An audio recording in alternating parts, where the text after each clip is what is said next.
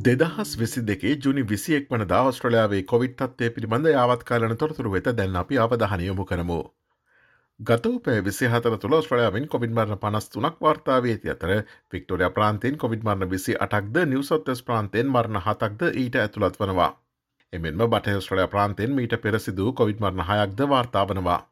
නිවසොත් සහ ක්වින්ස්ලන්ත ප්‍රාන්තවල රෝහලගත කළ කොවිඩ් රෝගින්ගේ සංඛ්‍යාව පිළිවෙලින් එක් දහස් හාරසයනු නවයක් සහ හාරසියනු එකක් වන අතර පසුගේ සති හතර තුළ ඔවුන්ගේ වැඩිම රෝහල්ගතවීම් සංඛ්‍යාව ලෙසද මෙය සටහන් වනවා.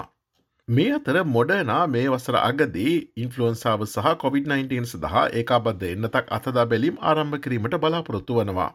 මෙම තනියෙන්න්නත වික්ටෝරන ප්‍රාන්තේ නිෂ්පාදනය කළ හැකි අතර ඔස්ට්‍රලන්වන්ට දිදහස් විසි හතර වන විට එය ලබාගත හැකි. මේ අතර ඇඩිලෙට් විශ්වවිද්‍යාලය පර්ේෂකෙන් පිරිසක් මේ සතියේ ඉදිකටු රහිත නව COොVID-19 එන්නත් බූස්ට්‍රයක් සඳහා මිනිස් අතතා බැලීම් ආරම්භ කර තිබෙනවා. DNA මත පදනම් වූ මෙම එන්නත ඔමික්‍රොන් ප්‍රබේද ඉලක්ක කිරීමට සැලසුම් කරතිබෙනවා.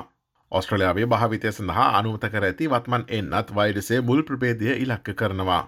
ඔස්ට්‍රලියාවේ ඖෂධ හා චිකිත්සක න්‍යාමන අධිකාරය වයසවුරුදු පහ සහ ඊට අඩු ළමුන් සඳහා COොVID-19 එන්නත් භාවිත කිරීමට ඉඩදීම සඳහා මොඩනා වෙතින් යෝජනාවක් සමාලෝචනය කරනවා. කෙසේ වෙතත් මේ සම්බඳ අවසන්තීරණයක් ගැනීමට සති කිහිපයක් ගත විය හැකි. ඇමරිකාවේ රෝගපාලනය සහ වැලක්වීමේ මධ්‍යස්ථාන විසින් මෑතකදී වයසවරුදු පහට අඩු ළමුන් සඳහා COොVID-19 එන්නත් අනුමත කරතිබෙනවා. මේ අතර ශීතීර්තුවෙන් පසු ඔස්ට්‍රලයාාවේ COොVID-19 අර්බුදය මෙහෙවීම සම්බන්ධයෙන් කම්කරු පක්ෂරාජය රාජකය කොමසමක් හෝ වෙනත් පරීක්ෂණයක් ප්‍රකාශයට පත් කිරීමටද බලාපොරොත්තු වනවා.